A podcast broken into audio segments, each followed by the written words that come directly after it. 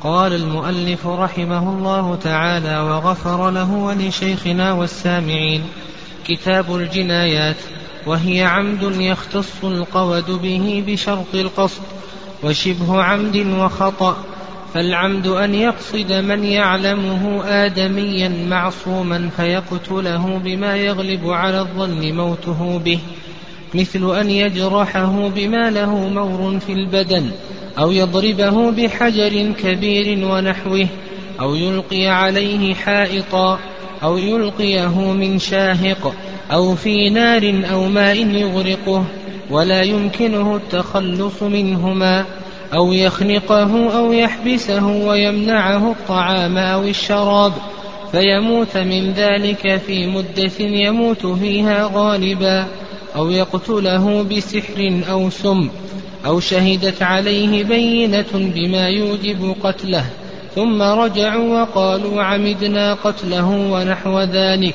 وشبه العمد أن يقصد جناية لا تقتل, لا تقتل غالبا ولم يجرحه بها كمن ضربه في غير مقتل بصوت أو عصا صغيرة أو لكزه ونحوه والخطأ أن يفعل ما له فعله مثل أن يرمي صيدا أو غرضا أو شخصا فيصيب آدميا لم يقصده وعمد الصبي والمجنون. قال المؤلف رحمه الله تعالى كتاب الجنايات. بدأ المؤلف رحمه الله تعالى وألفه بأحكام العبادات ثم بعد ذلك ما يتعلق بأحكام المعاملات وأحكام التبرعات ثم بعد ذلك ما يتعلق بأحكام الأنكحة. ثم بعد أحكام الأنكحة شرع رحمه الله تعالى في أحكام الجنايات وهكذا العلماء رحمهم الله تعالى يرتبون تأليفهم ومصنفاتهم في الجملة. وتقدم لنا ما يتعلق بمناسبة هذا الترتيب. المهم المؤلف رحمه الله تعالى أخر كتاب الجنايات لأمرين. الأمر الأول أن الأصل في المسلم أنه لا يجني ولا يعتدي. والأمر الثاني أن الجناية إنما تكون عند حصول الأطر والأشر فعند فعندما يبيع ويشتري تحصل شهوة البطن إذا باع واشترى وأكل حصلت شهوة البطن وإذا نكح حصلت شهوة الفرج فإذا حصلت له الشهوتان ربما حمله ذلك على الأشر والبطر والتعدي فناسب أن تذكر أحكام الجنايات بعد أحكام المعاملات وبعد أحكام الأنكحة وقال المؤلف رحمه الله تعالى كتاب الجنايات الجناية الجنايات جمع جناية وهي لغة التعدي على البدن أو العرض أو المال. فالتعدي على البدن جناية والتعدي على المال جناية والتعدي على العرض أيضا جناية. وأما في الاصطلاح فقول المؤلف رحمه الله كتاب الجنايات في الاصطلاح المراد به التعدي على البدن بما يوجب قصاصا أو مالا. التعدي على البدن بما يوجب قصاصا أو مالا. فهنا في هذا الكتاب كتاب الجنايات يبحث العلماء رحمهم الله عن أحكام التعدي على الأبدان في النفس وفيما دون النفس. أما التعدي على الأموال فلا يبحثون هنا وإن كان جناية بالمعنى العام لكنه ليس جناية بالمعنى الخاص. فالتعدي على المال يبحثونه في باب الغصب.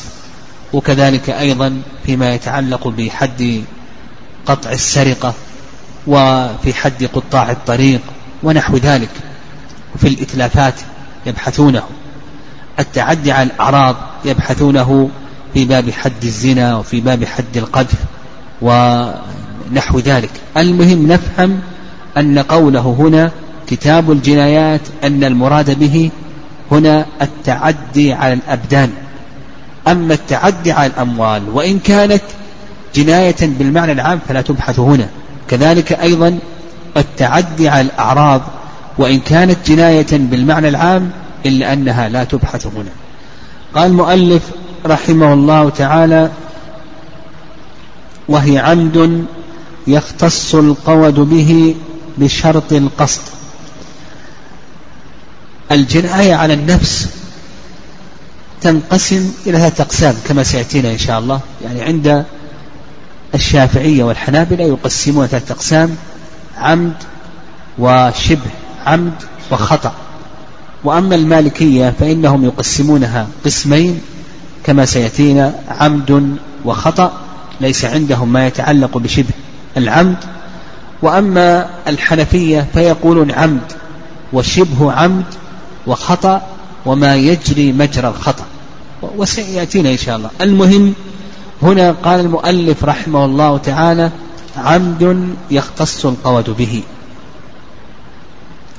فيؤخذ أن من أضرب الجناية العمد قتل العمد. وسيأتي في كلام المؤلف رحمه الله بيان ضابطه. وذكر المؤلف رحمه الله تعالى أن القود يعني القصاص خاص بالعمد. وهذا نعم. يعني القصاص خاص بالعمد وهذا دل له القرآن في قول الله عز وجل كتب عليكم القصاص في القتلى الحر بالحر. وأيضا دلت له السنة وسيأتينا إن شاء الله.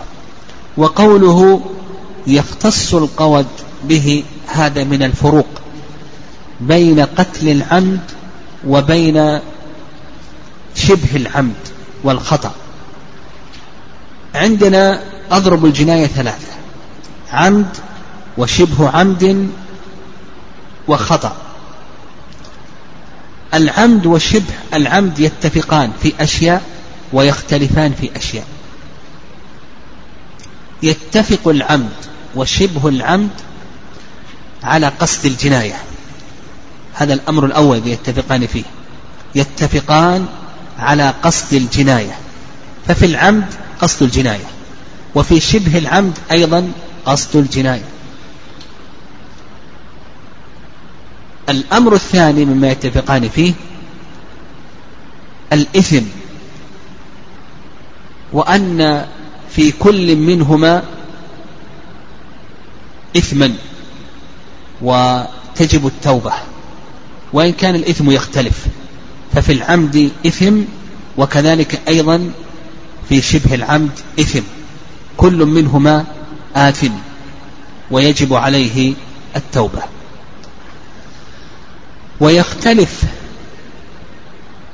شبه العمد عن العمد في أمور يعني يختلفان في أمور. الأمر الأول أن العمد نعم وكذلك أيضا الأمر الثالث مما يتفقان فيه أن الدية في كل منهما مغلظة. الدية في العمد إذا لم يكن هناك قصاص مغلظة. وكذلك أيضا الدية في شبه العمد مغلظة. يختلفان في أمور. الأمر الأول أن العمد يختص القود به. فالقصاص إنما يكون في قتل العمد. وأما شبه العمد فإنه لا قصاص فيه. الأمر الثاني أن الجناية في العمد تقتل غالبا. وأما في شبه العمد فإنها لا تقتل غالبا. الأمر الثالث أن العمد لا كفارة فيه. وأما شبه العمد فإن الكفارة فيه واجبة. الأمر الرابع أن الدية في القتل العمد على القاتل نفسه لا تتحملها العاقلة. وأما الدية في شبه العمد فإنها على عاقلة الجاني. في شبه العمد الدية على العاقلة.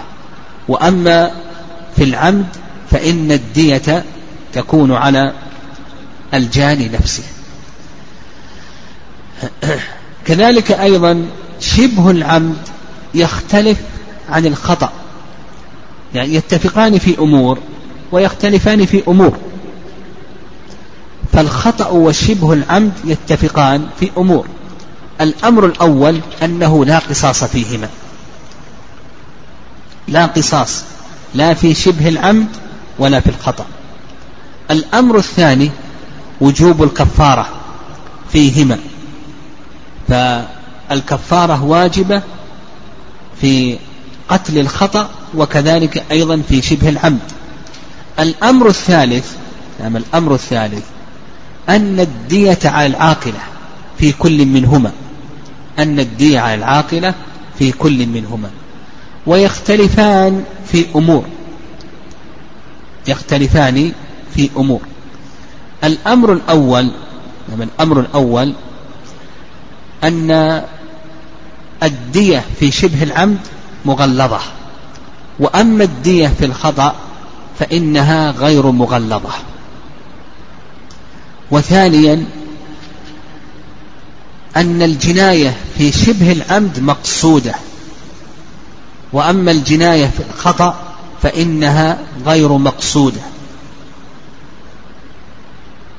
وثالثا أن الجاني في شبه العمد آثم وعليه التوبة.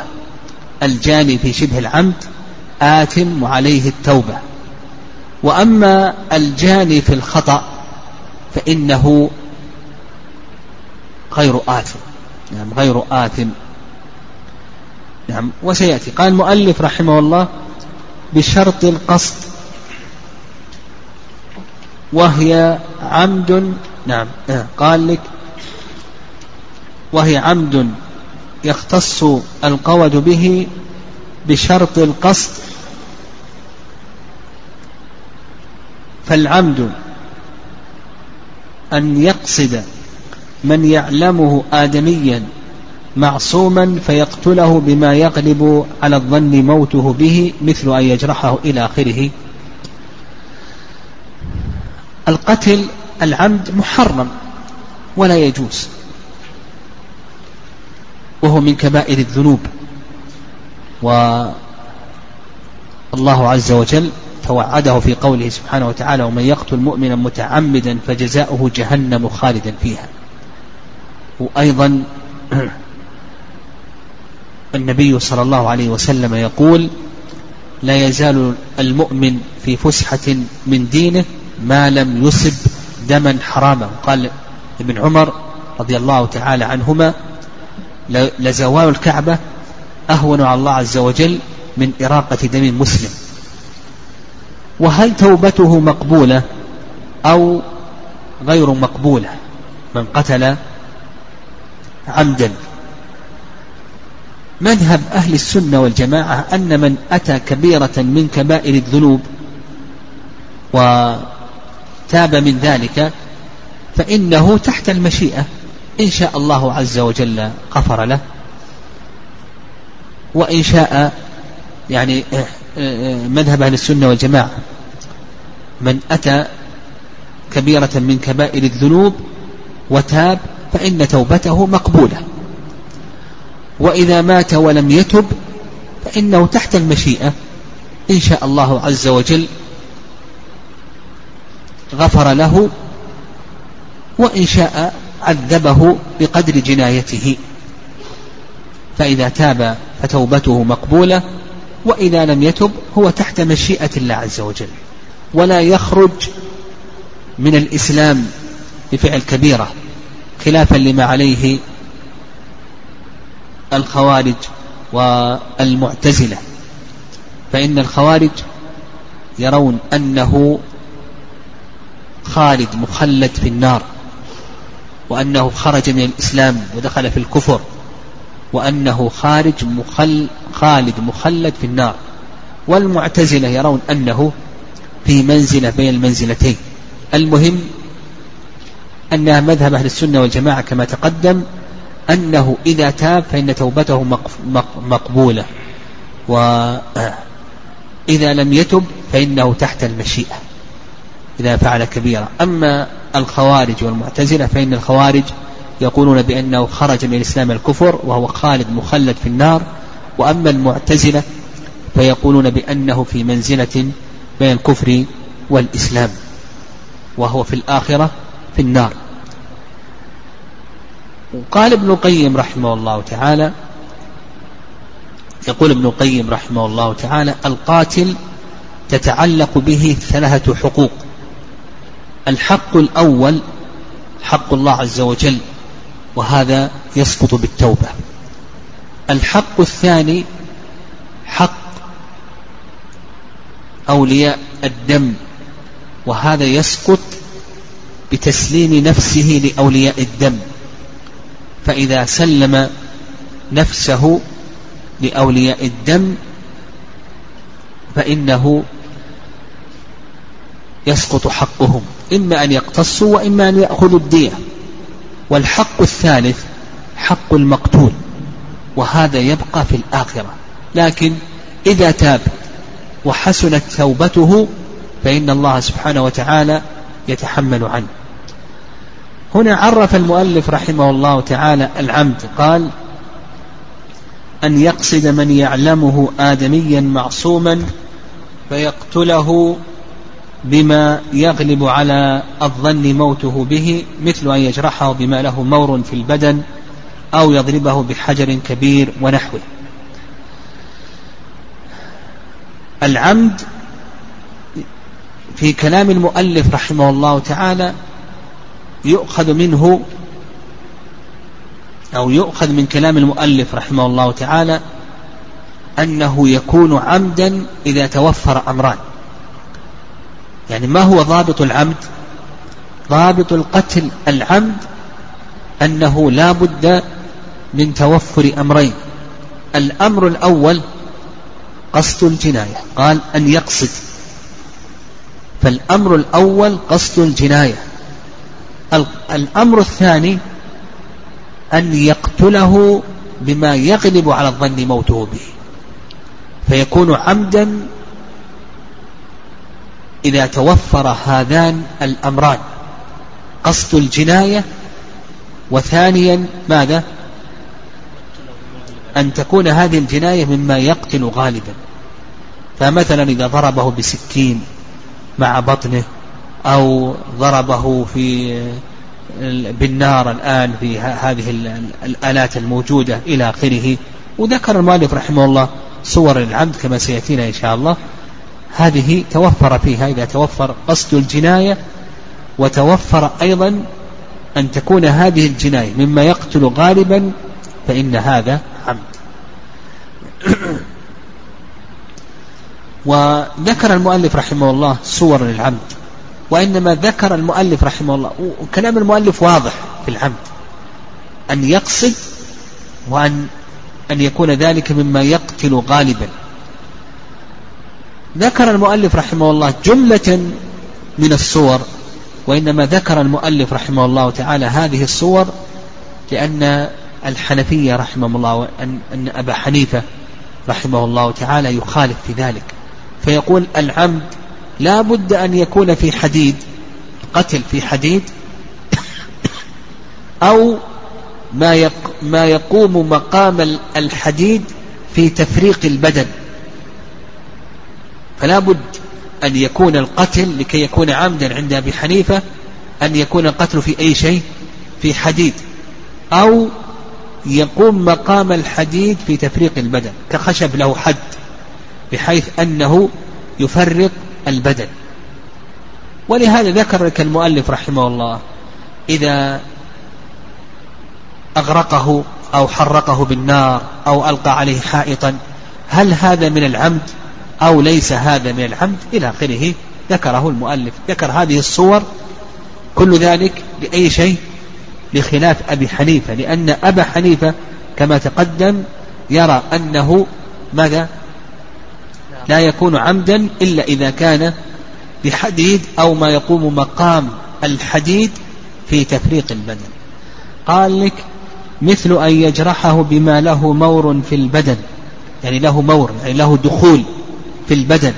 طيب إذا جرحه بما له دخول في البدن مثلا سكين أو مثلا إبرة أو مسمار أو نحو ذلك مما له مور في البدن ودخول في البدن نقول هذا ينقسم إلى قسمين.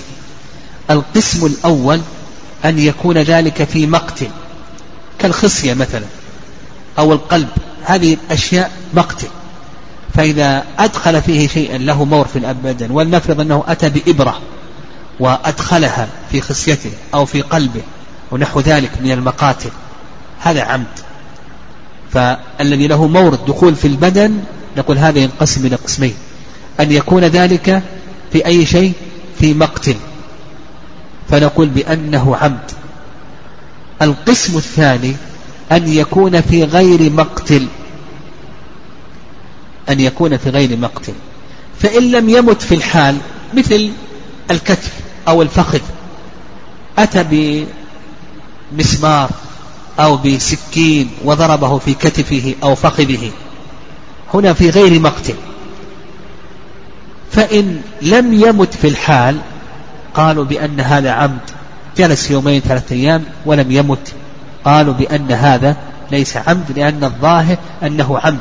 هنا يكون عمدا لأن الظاهر أنه مات من هذه الإصابة. وإن مات في الحال يعني ضربه في كتفه ثم أو في فخذه بما له مور دخول في البدن. فهذا موضع خلاف بين أهل العلم رحمهم الله.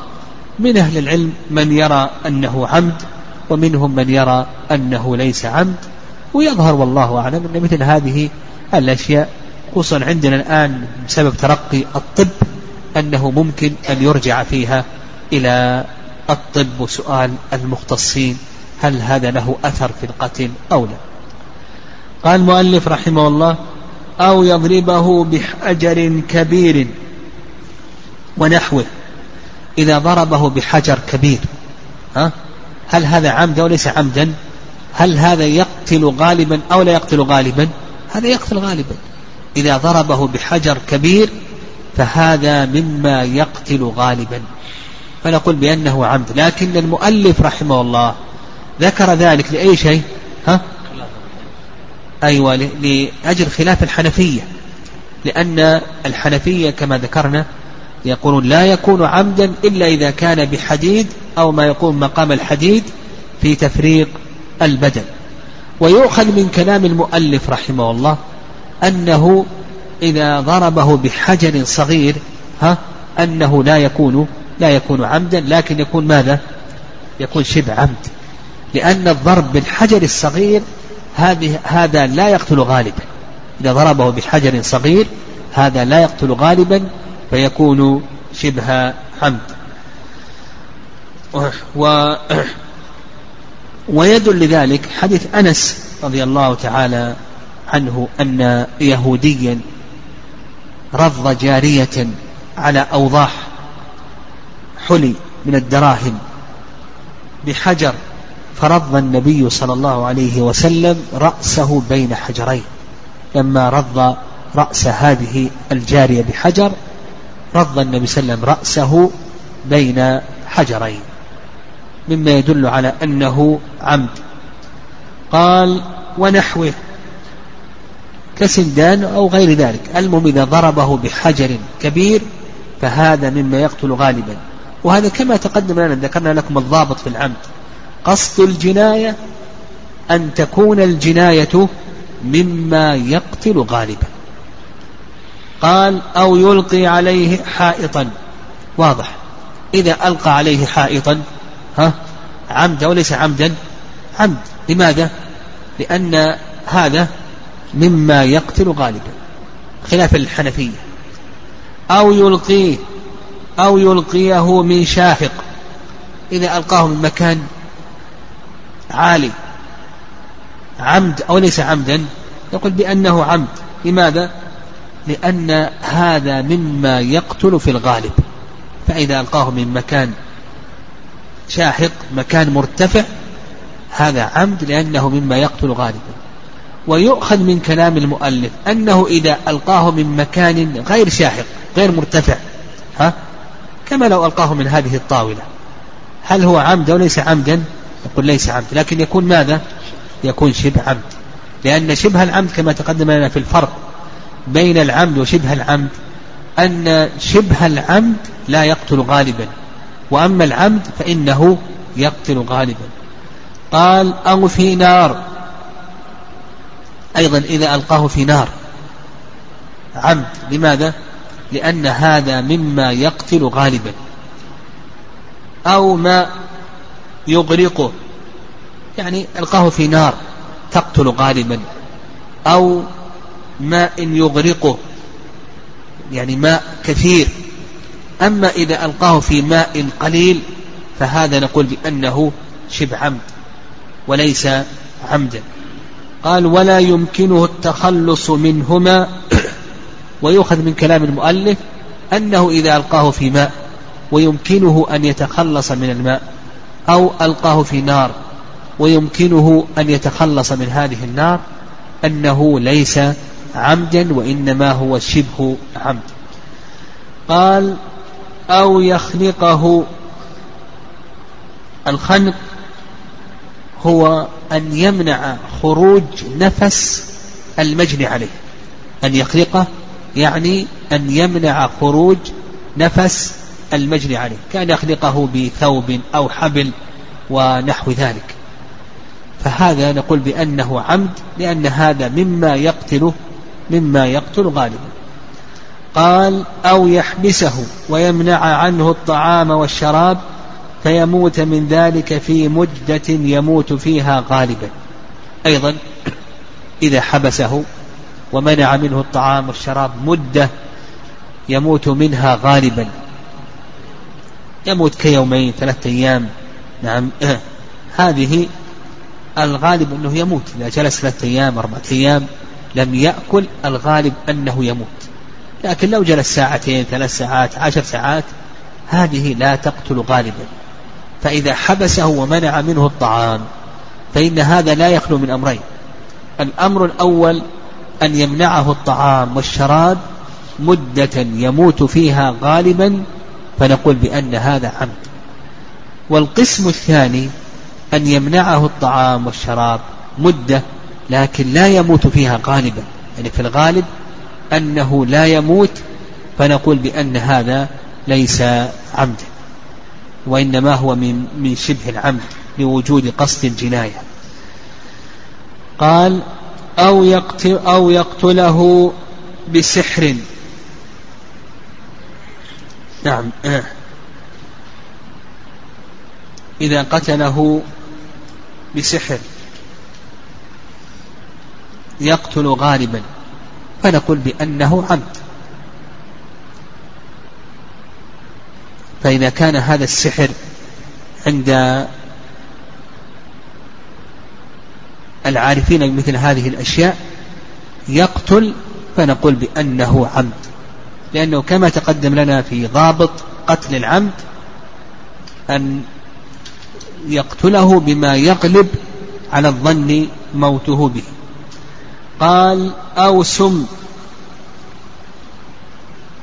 نعم إذا قتله بسم سقاه سما أو دس له سما في طعام أو شراب ونحو ذلك فهذا مما يقتل غالبا فنقول بأنه عمد. وهذا كما تقدم لنا كل ذلك المؤلف ذكر هذه الصور وهذا على سبيل المثال وأيضا لرد قول الحنفية لأن الحنفية كما تقدم يخصون العمد بالقتل بالحديد أو ما يقوم مقام الحديد مما يفرق أجزاء البدن. وهذا كما تقدم هذا فيه نظر. الصواب في هذه المسألة هو ما ذكر المؤلف رحمه الله تعالى وإلا الضابط كما ذكرنا لكن هذه أمثلة يذكرها العلماء رحمه الله. أولا لبيان هذا الضابط الذي ذكره وثانيا لرد ما ذهب إليه الحنفية. قال أو شهدت عليه بينة بما يوجب قتله ثم رجعوا وقالوا عمدنا قتله ونحو ذلك. فهذا أيضا عمد. يعني إذا شهدت بينة بما يوجب قتله.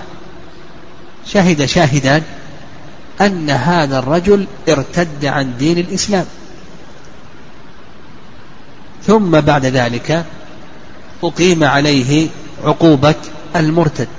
ثم بعد ذلك رجعوا. وقالوا تعمدنا قتله. أو شهد أربعة على هذا الشخص أنه زنى وأنه محصن ثم رجم ثم بعد ذلك رجعوا وذكروا أنهم تعمدوا قتله. ها؟ فنقول بأن هذا هذا عمد لأن هذا مما يقتل مما يقتل غالبا. ويدل لذلك أيضا ما ثبت في صحيح البخاري أن رجلين شهد على رجل أنه سرق عند علي رضي الله تعالى عنه فأخذه علي وقطعه قطع يده ثم رجع وقال أخطأنا. فقال علي رضي الله تعالى عنه لو أعلم أنكما تعمدتما لقطعتكما. هنا شهد علي يقول لو أعلم أنكما تعمدتما الشهادة عليه كذبتما وقطع لقطعتما لقطعتكما. كأنهما تعمد قطعه فأراد علي أن يقطعهما. فكذلك أيضا إذا تعمد قتله عن طريق الشهادة فإن هذا عمد. قال ونحو ذلك. نعم. قال والشبه العمد. أن يقصد جناية لا تقتل غالبا ولم يجرحه بها. أولا شبه العمد. هل, هل هذا القسم ثابت أو ليس ثابتا؟ أوسع الناس في صور القتل هم الحنفية وأضيقهم المالكية والحنابلة والشافعية يتوسطون بين الرأيين. فمذهب الحنابلة والشافعية أن شبه العمد ثابت. مذهب الحنابلة والشافعية أن شبه العمد ثابت. وعند المالكية والظاهرية أن شبه العمد ليس ثابتا بل يجعلون الصور التي تكون من شبه العمد في الجملة يجعلونها من قبيل ماذا؟ من قبيل العمد صح يجعلونها من قبيل العمد. وأما الحنفية فيقولون الخطأ أربعة أقسام عمد وشبه عمد آه، القتل. أربعة أقسام عمد وشبه عمد وخطأ وما جرى مجرى الخطأ. طيب تقدم لنا العمد وأن العمد ضابط العمد لا بد فيه من أمرين. الأمر الأول قصد الجناية والأمر الثاني أن يقتله بما يغلب على الظن موته به. طيب شبه العمد آه، قبل ذلك قبل أن نذكر ضابطه هل هو ثابت شبه العمد أو ليس ثابتا؟ المشهور عند الشافعية والحنابلة أن شبه العمد ثابت. واستدلوا على ذلك؟ بحديث عبد الله بن عمرو بن عاص في سنن أبي داود وغيره أن النبي صلى الله عليه وسلم قال ألا إن في قتيل الخطأ وشبه العمد؟ ألا إن في قتيل الخطأ وشبه العمد؟ مئة من الإبل أربعون منها أولادها في بطونها. وهذا الحديث صححه ابن القطان وابن حب ابن حبان وغيرهما. وأيضا يدل لذلك حديث أبي هريرة في الصحيحين في قصة المرأتين اللتين اقتتلتا فضربت إحداهما الأخرى بالفسطاط عمود الخيمة. فقضى النبي صلى الله عليه وسلم بأن الديع العاقلة ولم يقضي بالقصاص. مما يدل على أن هذا آه، من قبيل ماذا؟ من قبيل شبه العمد. لو كان آه، من قبيل العمد لا قضى النبي صلى الله عليه وسلم بالقصاص. وكذلك أيضا لم يقضي بالديعة العاقلة. طيب الرأي الثاني رأي المالكية قالوا بأن أنواع القتل عمد وخطأ واستدلوا على ذلك بظاهر القرآن. لأن القرآن إنما ورد ورد فيه العمد والخطأ ولم يرد فيه شبه العمد. وما كان لمؤمن أن يقتل مؤمنا إلا خطأ ومن قتل مؤمنا خطأ فتح رقبة مؤمنة ودية مسلمة إلى أهله. ومن يقتل مؤمنا متعمدا فجزاؤه جهنم. هكذا جاء في القرآن. والجواب عن هذا سهل. نقول نعم نقول هذه هاتان الآيتان دلتا على نوعين والسنة دلت على نوع ثالث وهو شبه العمد. وأيضا النظر يعني النظر يقتضي إثبات شبه العمد لأنه قد يجري جناية لكنه لكن هذه الجناية نعرف أنها ليست عمدا. ما هو الدليل على ذلك؟ أنها ليست عمدا جناية أن النعمين أن ألا تقتل غالبا كما لو صفعه على رأسه ثم سقط ميت أو نكزه ثم سقط ميت. هذا ما نقطع أنه عمد لأن هذه الجناية لا تقتل غالبا. يعني لا تقتل غالبا. وأما الحنفية فهم يثبتون العمد والخطأ وشبه العمد ويضيفون ما جرى مجرى الخطأ. وما جرى مجرى الخطأ عندهم هو القتل بلا قصد بلا قصد ولا إرادة. القتل بلا قصد ولا إرادة. كما لو انقلب نائم على شخص يعني القصد القتل بلا قصد ولا إرادة. كما لو انقلب نائم على شخص. المرأة الأم إذا انقلبت على ابنها وتوفي بسبب ذلك فيقولون بأن هذا من الجاري مجرى الخطأ وعند الحنابلة والشافعية يجعلون هذا من قبيل الخطأ. قال المؤلف رحمه الله طيب ضابط شبه العمد كما تقدم لنا ضابط العمد أنه ما جمع هذين الوصفين أو ما جمع هذين الأمرين طيب بقينا في ضابط شبه العمد قال لك المؤلف أن يقصد جناية لا تقتل غالبا ولم يجرحه بها. لكي يكون شبه عمد لا بد من أمرين. الأمر الأول ألا يقصد جناية نعم أن يقصد جناية لا تقتل غالبا. كما قلنا لو لكزه أو صفعه أو ضربه بصوت ونحو ذلك ثم سقط ميتا. الضابط الثاني ألا يجرحه. فإن جرحه ففيه تفصيل كما تقدم لنا. إذا جرحه ب بسكين أو إبرة أو نحو ذلك هذا فصلنا فيه. وقلنا بأنه لا يخلو من أمرين. الأمر الأول ها أن يكون في مقتل. فهذا عمد الأمر الثاني أن يكون في غير مقتل. فإن لم يمت مباشرة فهذا عمد وإن مات مباشرة فهذا موضع خلاف بين أهل العلم. رحمهم الله هل هو عمد أو ليس عمد قال كمن ضربه في غير مقتل بصوت أو عصا صغيرة أو لكزه ونحوه. المهم الضابط في ذلك كما تقدم الضابط في ذلك كما تقدم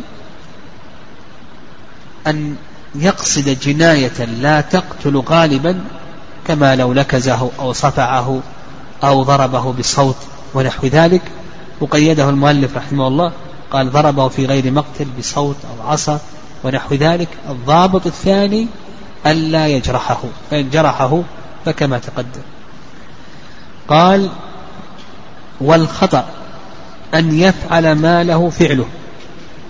هذا القسم الثالث من أقسام القتل الخطأ. والخطأ ذكر المؤلف رحمه الله تعالى له صورا. الصورة الأولى نعم الصورة الأولى أن يفعل ما له فعله. مثل أن يرمي صيدا أو غرضا أو شخصا فيصيب آدميا. لم يقصده. هذه الصورة الأولى من صور الخطأ. أن يفعل شيئا أذن له في ذلك. ومثل المؤلف أن يرمي صيدا. رمى الصيد هو أراد الصيد. فإذا خلف الصيد آدمي معصوم الدم فقتله. هذا خطأ. أو غرضا أراد أن يضرب هذا الهدف. وجه السهم للهدف. فإذا خلف الهدف ماذا؟ شخص آدمي معصوم الدم فقتله. أو شخصا أراد أن يقتل هذا الشخص. المباح الدم كان يكون كافرا حربيا. مباح الدم فإذا بخلف هذا الكافر المباح الدم خلفه معصوم الدم. فنقول بأن هذا من أي شيء؟ من الخطأ. قال لك وعمد الصبي والمجنون. هذا الصورة الثانية. الصورة الثانية عمد الصبي والمجنون هذا من الخطأ. فإذا جاء الصبي وتعمد القتل بالسلاح وأطلق النار. فنقول بأن هذا من الخطأ لأن الصبي مرفوع عنه قلم التكليف. ومثله أيضا المجنون. إذا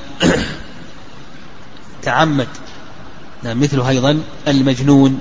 إذا تعمد نقول بأن هذا من الخطأ. ويسميه العلماء رحمه الله خطأ في القصد. قال فالصبي والمجنون هذان لا قصد لهما. طيب هاتان صورتان. الصورة الثالثة. إذا قتل بصف الكفار من ظنه حربيا فبان مسلما. إذا قتل بصف الكفار. من ظنه حربيا فبان مسلما فهنا تجب الكفارة فقط. هذه الصورة الثالثة. يعني في صف الكفار يظنه حربي. عند تقاتل المسلمين مع الكفار فقتله فتبين أنه مسلم. فهنا لا شيء عليه وإنما تجب عليه الكفارة الصورة الرابعة. إذا رمى كفارا تترسوا بمسلم.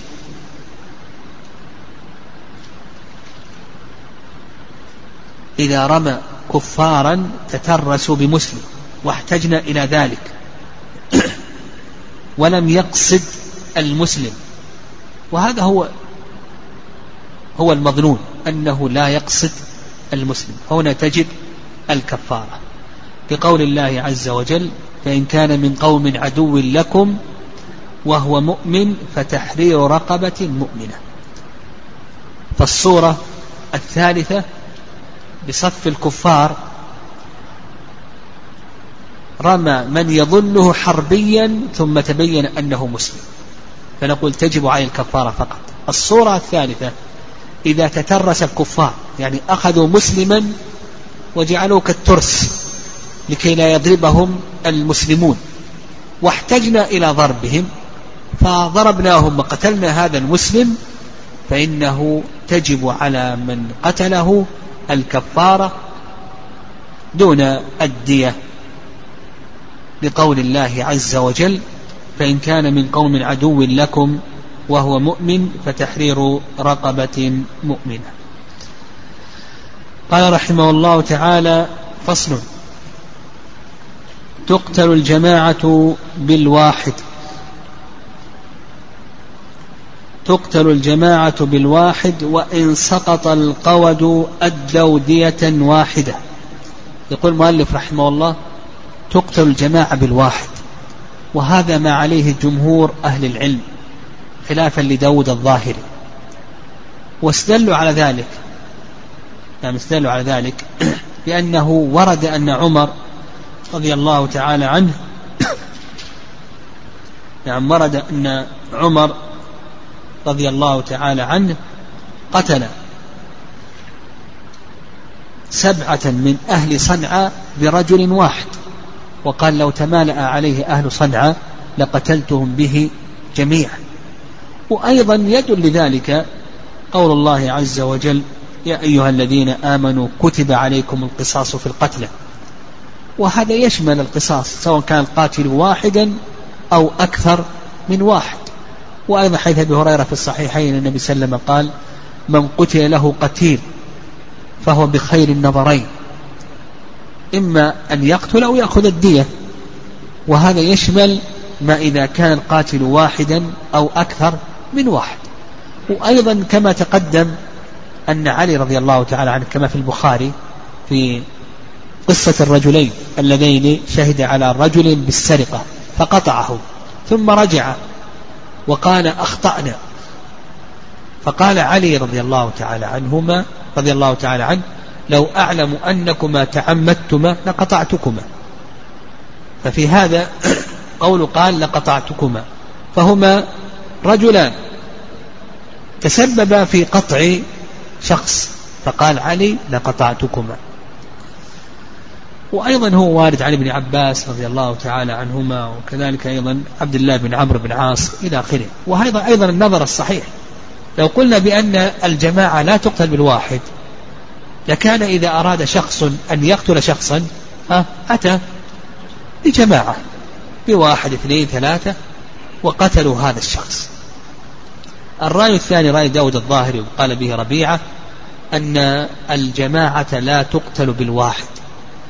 واستدلوا على ذلك بقول الله عز وجل وكتبنا عليهم فيها أن النفس بالنفس فقال النفس بالنفس هذا مما يدل على أن النفس تكون مقابلة لأي شيء؟ للنفس. يعني والصواب في هذا هو ما ذهب إليه جمهور أهل العلم رحمهم الله تعالى.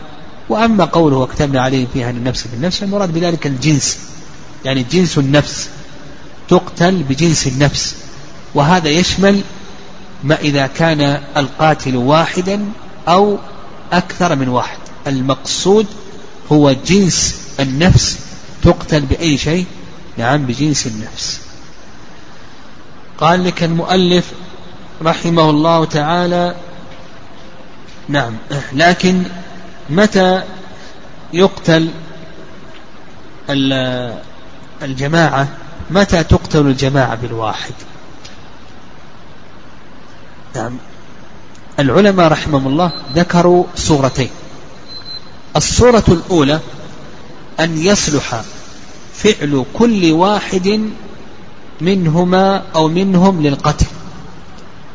الصورة الأولى أن يصلح فعل كل واحد منهم للقتل. فهذا ضربه بالسكين وهذا ضربه بالسكين. كل واحد فعله صالح قتل يقتلون به جميعا ولا يتمالوا ولا يتمالوا يتواطوا الصورة الثانية أن يتواطؤوا على ذلك. فهنا يقتلون به جميعا. من باشر ومن لم يباشر. سواء صلح فعل الجميع أو لم يصلح فعل الجميع. أو صلح فعل البعض دون البعض. فإذا تمالأوا على ذلك وتواطؤوا على قتله فإنهم يقتلون به نعم يقتلون به جميعا. نقف على هذا. الله الله